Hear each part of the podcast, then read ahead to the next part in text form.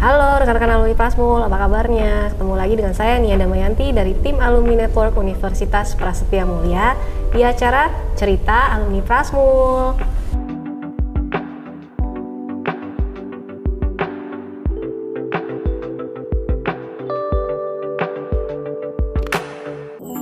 Pada siang hari ini bersama saya nih ya hadir salah satu alumni S1 Prasetya Mulia. Penasaran nggak siapa orangnya? Kita kenalan dulu ya.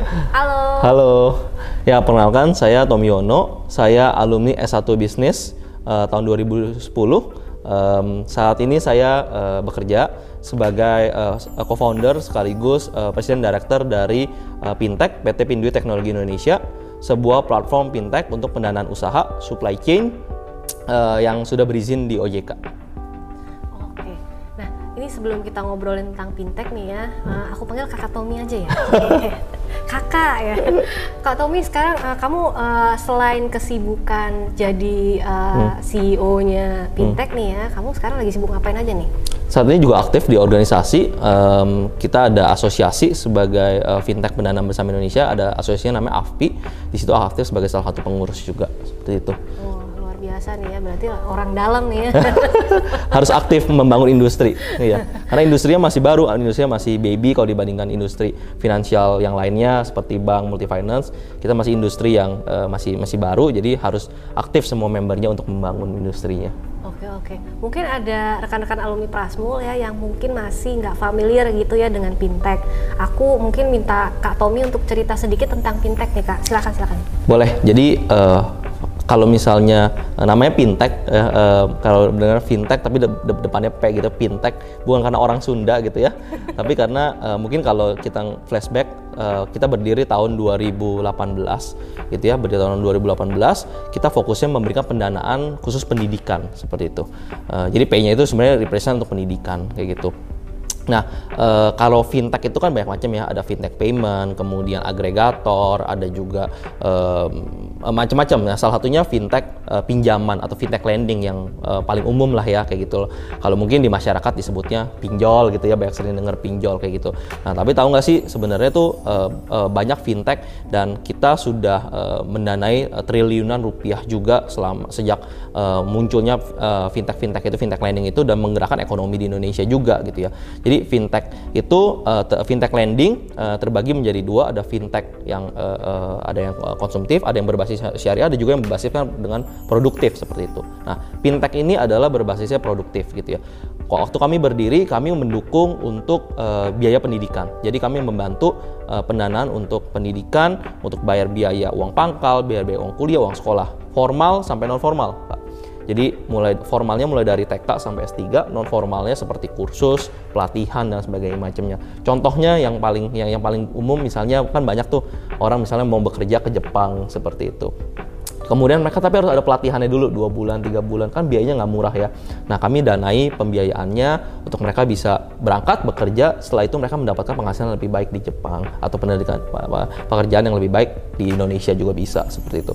Jadi eh, fokus seperti itu. Kemudian kami memperluas. Kami selalu melakukan pendekatan secara ekosistem. Jadi ekosistem pendidikan itu sendiri mulai dari sekolahnya atau institusi pendidikannya, kemudian juga para supplier-supplier barang-barang pendidikannya. Jadi industri pendidikan itu sendiri kami danai. Nah sekarang eh, fintech fokusnya itu nggak cuma di industri pendidikan, tapi justru fokus kami adalah untuk em, em, bisnis eh, pendanaan untuk bisnis, pendanaan untuk produktif, Eh, pendanaan yang berbasiskan supply chain, ber- berbasiskan terhadap eh, kontrak-kontrak pekerjaan.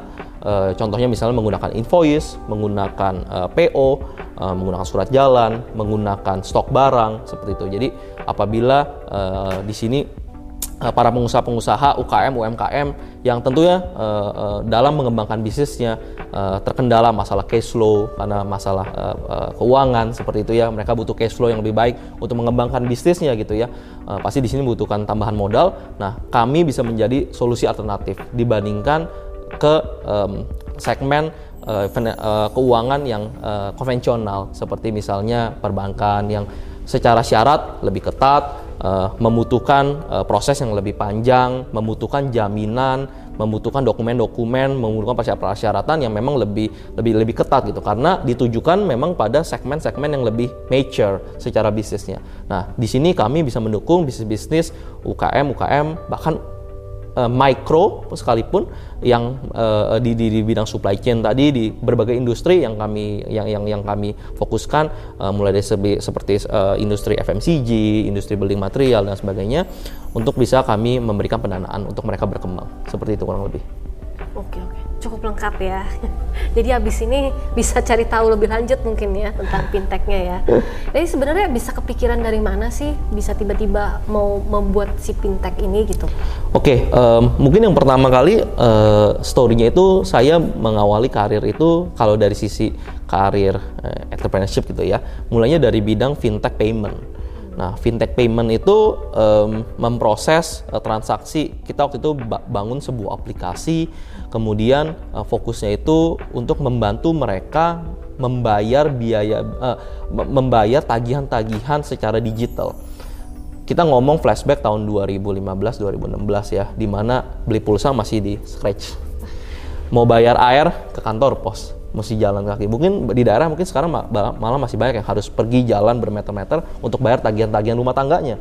Nah, dengan satu aplikasi itu, tagihan rumah tangga kamu apa? uh, biaya uh, listrik, air, telepon segala macam itu bisa dibayar beli pulsa segala macam dengan satu aplikasi.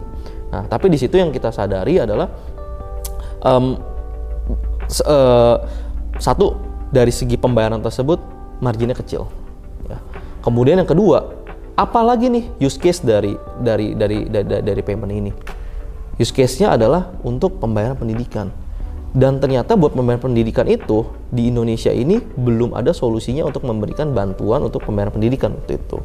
Nah, karena karena kami melihat peluang itu, maka kami melihat bahwa oh, ini kan rumah tangga biayanya selain biaya utility, biaya kedua yang paling besar itu biaya pendidikan. Dan di sini kita punya use case, kita bisa melihat mana customer-customer yang bagus yang kita bisa berikan pinjaman pendidikan seperti itu. Dan di Indonesia tuh waktu itu belum ada. Nah di situlah kita mulai untuk memberikan pinjaman pendidikan. Nah kemudian kita memperbesar ke segmen-segmen yang lainnya dan kemudian kita fokus selalu menjadi pinjaman produktif. Itu mungkin awal mulanya. Oke, ini tuh dulu awalnya dari BPK atau dari oh enggak, uh, waktu awal uh, saya penjurusannya itu finance jadi tugas akhirnya nggak uh, buat bisnis, tapi lebih ke waktu itu bikin uh, research kayak gitu. Uh, kemudian setelah mengawali karir di bidang investment banking, setelah itu um, ke uh, uh, membuat bisnis yang payment ini. Gitu. Oke oke baiklah. Nah dulu waktu pas uh, kuliah di Praspul nih ya, hmm. sekarang kan pekerjaannya nih berbau-bau finance nih ya. Hmm. Ini korelasinya positif nggak nih? Ada impact yang gimana nih menurut Kak Tommy? um, menurut saya uh, waktu di Prasmul gitu ya, waktu di, di kuliah uh, pengalamannya uh, sangat menarik gitu ya. Kenapa saya bilang sangat menarik? Um, saya nggak akan highlight satu, let's say satu use case khusus ilmu ini dipakai gitu ya, karena ya saat kita berkuliah kita diberikan fondasi itu yang pasti gitu ya, fondasi terkait dengan uh, uh, pengertian bisnis, pengertian function-function bisnis, baik itu mulai dari sales sampai keuangan sampai accounting segala macam, apalagi penjurusan kita dibilang corporate finance gitu ya. Uh, tentunya memberikan basic foundations yang yang yang baik terhadap pengertian bagaimana sih sebuah perusahaan. Nah, cuma mungkin dari segi skalanya ya karena balik lagi ini kan fondasinya dan kita baik use case-nya perusahaan-perusahaan yang sudah mature gitu ya. Waktu itu mungkin saya masih ingat kita ada mata kuliah business valuation karena finance gitu ya yang kita valuasi perusahaan-perusahaan di bursa ya sangat jauh dong eh, perbandingannya dengan skala kita bangun usaha dari dari, dari, dari bawah kayak gitu. Nah, tapi kita juga pada saat uh, waktu itu saya semester 1 sampai 6 kurang lebih itu tuh bisnis. Jadi 6 ke 8-nya baru yang penjurusan di finance.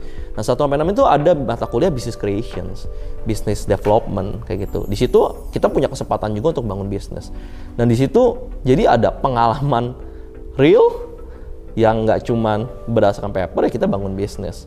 Kita ada pengalaman komdev, bangun bisnis atau bangun bukan bagus bisnis lah, mungkin lebih tepat menambahkan penghasilan alternatif baik buat warga di sekitar situ. Uh, bagaimana kita benar interaksi dengan orang, bagaimana kita berinteraksi dengan tim gitu ya. Karena semakin ke sini salah satu bekal yang paling berharga adalah interaksi dengan manusianya kak kayak gitu. Jadi uh, business the number and so on, tapi kita dealingnya sama manusia gitu ya. Jadi uh, waktu itu kita punya pengalaman habis creation kita mengatur atau kita uh, mengkoordinasikan tim kita tanpa digaji loh, tanpa dibayar. Benar nggak? Waktu pada saat kuliah, semua cuma punya tujuan yang sama, nilai. Mungkin ada pikiran, oh kita bisa untung segala macam. Tapi kita tanpa gaji. Nah, bagaimana seninya kita bisa mengatur teman-teman kita sendiri tanpa digaji. Nah, menurut saya itu modal, salah satu modal yang um, sangat berharga ya di di bisnis sekarang. Jadi bagaimana kita memanage tim saat ini itu banyak uh, apa ilmu-ilmu yang berharga. Mungkin itu yang saya bisa share. Oke nih, lanjut lagi ke pertanyaan hmm. berikutnya nih ya. Ini kan sekarang udah era digitalisasi itu tuh udah banyak banget ya. Hmm. Sekarang dikit-dikit udah banyak yang diganti sama robot hmm. ya. Yang lagi hype sekarang nih bahas AI nih ya. Hmm. Ada Chat GPT, hmm. terus ada AI apa lagi ya. Hmm. Uh, kita cuma masukin uh, beberapa musik gitu hmm. ya, langsung jadi musik baru yeah. gitu ya. Nah kalau menghadapi yang kayak gini nih. Uh, menurut Kak Tommy nih, ini jadi satu ancaman hmm. atau jadi satu opportunity nih? Kalau Kak Tommy ngeliatnya gimana? Kalau menurut saya opportunity ya, gitu ya. Uh, kenapa? Karena berdasarkan studi juga gitu yang saya pernah baca gitu ya uh, dari McKinsey bahwa sebenarnya disrupsi teknologi ini um, menimbulkan nggak cuman sebenarnya yang dihilangkan tuh bukan pekerjaan kalau menurut saya. Yang dihilangkan itu adalah task atau atau kalau bahasa Indonesia apa ya um, uh, kegiatan lah ya kegiatan kegiatan dalam satu fungsi dari uh, uh, pekerjaan gitu ya. Contoh misalnya HR gitu ya. Um, dulu ada task kita untuk nge-create job descriptions sekarang dengan menggunakan AI kita cukup bilang saya membutuhkan job descriptions untuk posisi A keluar tuh langsung sangat baik sekali gitu ya itu kan meminimalkan pekerjaan sebenarnya. Jadi sebenarnya dari segi tasnya yang hilang. Saya nggak ada lagi tas untuk ngetik job description itu. Tapi pekerjaan untuk talent acquisitions itu terus ada. Nggak nggak bisa dari AI me, me, menghilangkan interaksi human itu nggak akan bisa kapan pun gitu.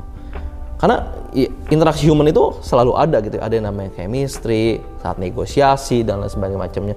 Itu akan, akan akan selalu ada dan juga menimbulkan pekerjaan baru. AI ini kan harus ada yang memelihara, harus ada yang mendevelop, harus ada yang memaintain. Nah, itu semuanya kan jadi pekerjaan baru yang tadinya nggak ada. Mana ada zaman 10 tahun yang lalu pekerjaan untuk uh, developer AI atau atau misalnya uh, uh, UI, UX untuk atau, atau uh, QA untuk uh, uh, AI kan nggak ada zaman dulu. Tapi sekarang karena AI ini semakin uh, apa namanya meningkat ataupun teknologi apa pun itu, jadi ada pekerjaan-pekerjaan baru. 20 tahun yang lalu kita nggak dengar namanya developer, yang namanya software engineering. Kita nggak dengar yang namanya apa namanya uh, eh, QA tadi misalnya, atau project manager, project manager, product manager itu nggak ada zaman dulu. Sekarang berapa banyak karir di dunia itu dengan dengan dengan dengan, dengan hasil yang fantastis dan impact yang fantastis. Jadi pekerjaannya justru timbul banyak yang baru, tapi tas-tasnya itu yang hilang. Nah, tugas kita, tantangannya, ya kita harus memperkaya diri. Hal-hal yang repetitif yang bisa digantikan AI, kalau kita lihat pekerjaan kita heavy di yang repetitif yang tas itu, yuk kita mulai beralih pekerjaan-pekerjaan yang tidak seperti itu. Pekerjaan bukan beralih pekerjaan ya, maksudnya meningkatkan diri. Kita nambah skill-skill lain untuk pekerjaan yang baru ataupun skill-skill yang nggak bisa digantikan oleh AI tersebut negosiasi, networking, selling itu sampai kapan pun susah gitu ya dari segi AI. Karena itu nggak repetitif. Nah, AI itu untuk membantu kita hal-hal repetitif jadi cepat. Nah, seperti itu. Kayaknya pertanyaannya udah cukup sih ya ini ya. Cuma mungkin satu lagi ini. Pertanyaan terakhir nih. Nah, nah Kak Tommy ada pesan-pesan nggak nih buat rekan-rekan alumni Prasmul gitu ya, mungkin nonton acara ini ataupun ada mahasiswa atau misalkan untuk calon calon mahasiswa ya. ada pesan-pesan nggak nih uh, terkait uh, gimana caranya mungkin ada tips and tricks kalau misalkan mau bangun bisnis khususnya di bidang dunia digital. Oke, pesan buat yang calon mahasiswa mungkin ayo masuk ke Prasmul. Oh nggak gitu ya? Itu jualan banget ya? Nggak apa-apa, nggak apa-apa. Mobius nggak apa-apa. Oke, ini. mungkin mungkin sharing aja kali ya sifatnya. Uh, karena kalau pesan saya kayak udah dari kayak kayak dari siapa aja gitu kan ya. Mungkin uh, prof-prof di sini yang mesti kasih pesan gitu kan ya. Kalau mungkin saya sifatnya sharing ke teman-teman yang sama-sama lagi berjuang gitu ya teman-teman alumni teman-teman kuliah banyak banget mahasiswa sekarang yang udah karirnya udah keren-keren banget bisa jadi influencer content creator punya bisnis yang mungkin lebih hebat gitu ya dari saya. Mungkin sama-sama sharing aja apa yang saya dapatkan dari sisi di dunia industri teknologi. Bahwa yang pertama adalah um, opportunity itu sangat-sangat luas gitu ya. Jadi kita bisa uh, bangun banyak hal dari apa yang memang yang yang di dekat kita gitu ya. Selalu bergerak dengan apa yang di dekat kita. Masalahnya apa sih gitu ya. Saya uh, kenapa terjun di bidang pendidikan? Karena memang waktu itu saya uh, satu saya pun berkuliah di Prasmul full scholarships saya tahu namanya susahnya nyari biaya pendidikan dan nggak ada uh, biaya pendidikan. Kemudian juga uh, waktu itu ada kesempatan terjun di dunia fintech jadi mengerti bagaimana membangun sistem di, di, di bisnis fintech. Jadi apa yang ada, kerjakan dari apa yang ada itu yang pertama. Yang kedua adalah berkawan sebanyak mungkin. Karena ya sejauh pengalaman saat ini yang terjadi itu dari kawan kawan-kawan gitu ya. Jadi berkawan sebanyak mungkin, uh, perbanyak teman gitu ya, uh, diskusi-diskusi yang produktif gitu ya, uh, being humble untuk bisa berteman sama uh, sama sama siapa aja, belajar dari siapa aja, mau belajar dari siapa aja. Mungkin itu kali ya yang saya bisa sharing. Oke baiklah. Thank you banget ya. Sama-sama. Ya. dalam banget nih ya kayaknya ya. Oke kita sekarang uh, tadi kan udah ngobrol-ngobrol yang cukup serius nih ya sama Kak Tommy. Sekarang kita mau seru-seruan ya. Kita mau masuk ke uh, trivia questions nih.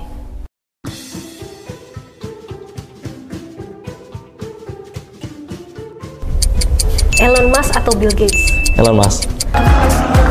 Android atau iOS? iOS. Jadi orang jenius atau kreatif? Kreatif. You serious? Pilih Miley Cyrus atau Taylor Swift? Taylor Swift.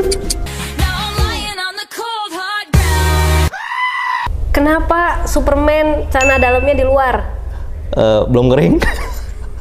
No, God! Spot paling favorit dulu waktu pas kuliah di Prasmul. Kantin. Pilih bubur diaduk atau nggak diaduk? Hmm, diaduk. Kalau dikasih kesempatan buat punya superpower, kamu mau milih bisa balik ke masa depan atau balik ke masa lalu? Hmm, masa depan. Oh my God! Oh, warna favoritnya Elsa. Elsa. Siapa Elsa? Let it go. Siapa anggota The Beatles yang menikahi Yoko Ono? Susah banget. Gak tahu. Aku juga nggak tahu. Bukan tetangga saya yang pasti. Pilih jengkol apa pete? Uh, nggak dua-duanya. sombong amat Kalau disuruh milih eh, yang ada di karakter SpongeBob, yang paling mirip sama kamu siapa? Uh, SpongeBob. Kamu pilih digigit nyamuk atau dicium kecoa? Digigit nyamuk. Pilih sapi atau babi? Babi.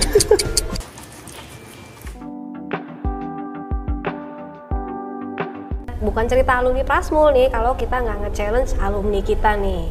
Nah, karena Kak Tommy ini ekspertisnya kan ya sepertinya di bidang digital, ya.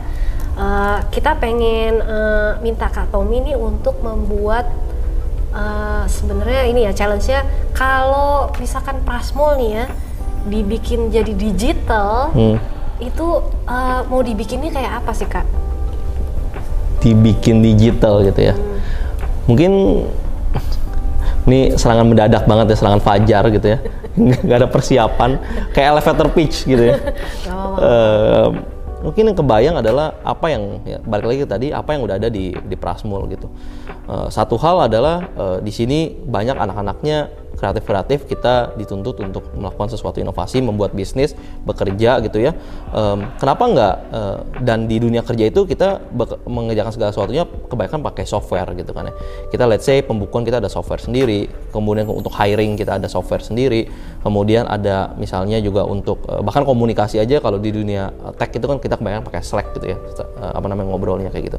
Jadi kenapa nggak membiasakan anak-anak kita gitu mahasiswa anak-anak kita kayak tua, banget gitu ya mahasiswa-mahasiswa bisa langsung menggunakan software memang diciptakan oleh Prasetya Mulia yang software yang dipakai di dunia kerja gitu ya misalnya contoh eh, terkait dengan CRM Eh, kemudian terkait dengan pembukuan, nah satu software itu full untuk dari end to end, dari mulai administrasi, kemudian data HR, kemudian juga data dari sisi eh, penjualan, pembelian, data kemudian di, di, di, transfer data ke, ke financingnya gitu. Nah di situ kan eh, setiap eh, bisnis-bisnis yang ada di Prasmul bisa menggunakan software itu gitu. Jadi anak-anak mahasiswa kalau dia mau bikin bisnis, let's say jualan bakmi gitu misalnya, ya dia pakai software itu untuk untuk bisa mereka juga bisa melihat gitu perpindahan datanya seperti apa. Nah Prasmul secara secara secara langsung juga bisa mendapatkan data-data itu gitu kan. Jadi tahu oh kekurangan bisnis-bisnis ini tuh seperti ini nih. Oh anak-anak kita tuh eh, bisnis-bisnis yang lagi tren tuh seperti ini. Dan itu mungkin bisa dipakai terus sampai mereka mengembangkan bisnisnya diberikan misalnya let's say secara kalau nggak gratis murah banget gitu kan misalnya nanti data itu akan sangat berharga gitu ya. Nanti bisa datanya itu bisa diajukan untuk eh, ke pemodal dan lain sebagainya. Itu sih mungkin yang eh, serangan fajarnya yang saya kepikiran gitu ya.